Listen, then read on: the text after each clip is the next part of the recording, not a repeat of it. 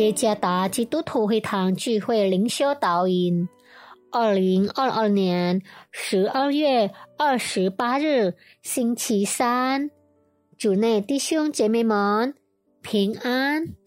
今天的灵修导引，我们会借着圣经启示录二十二章十二节来思想今天的主题。Trumpet，作者。和城里传道，启示录二十二章十二节。看呐，我必快来，赏罚在我，要照个人所行的报应他。威廉·范格梅伦在他著作的书《救赎的过程》中，用首字母缩略词。T R U M P I T 来强调主的日子，一个审判和释放的时代，要证明真理、救赎、拆毁和更新。所有这些都与神在耶稣基督里所要做的和将要完成的工作有关。这个首字母缩略词是由以下的名词的头一个字母组成的，它们是 total restoration 彻底的恢复，word of God 神的统治，unbroken confidence 不能废弃的约，messianic blessing 弥赛亚的祝福。People of God renew，神子民的更新；Enemies offense，对仇敌的惩罚；Transformation by the Spirit，蒙圣灵的改变。主耶稣再来的目的是要彻底更新受造之物。今天的世界。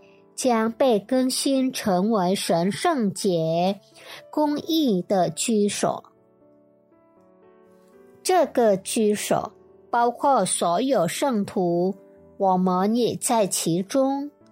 根据范格梅伦，这是一个完美的新天新地，其中有和平、公义、真理、信实、圣洁。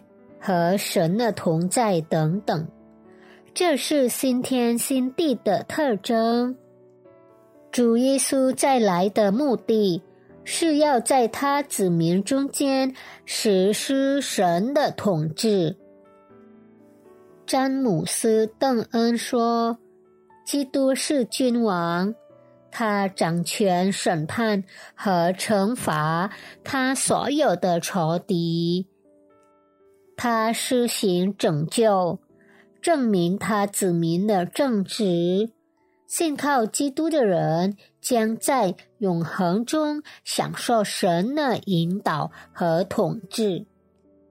基督再来，证明了神所立的约是不能被废弃的。神用四个约来证实他的应许。这些约描述了神对他子民的拣选和慈爱。这四个约是神分别与挪亚、亚伯拉罕、摩西、大卫所立的。这四个约的焦点是基督降临来施行救赎，恢复神的创造。因为神与我们立约，因此我们也经历了在基督里的更新。基督的再来是要将弥赛亚国度的福分赐给凡属神的子民。基督赐给神子民的属天福分是无穷尽的，我们也是属于神的子民。主耶稣的再来也是为了更新神的子民，在新天新地里，神的子民都会得着基督所更新的完美生命。基督再来时，也会实行对他仇敌的刑罚。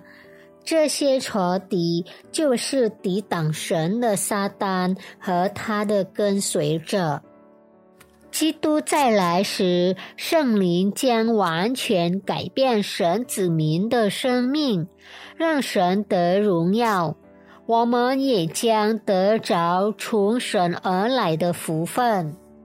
基督的再来是启示录的主题。他再来时，神的国度将完美的临到他子民当中。愿上帝赐福大家。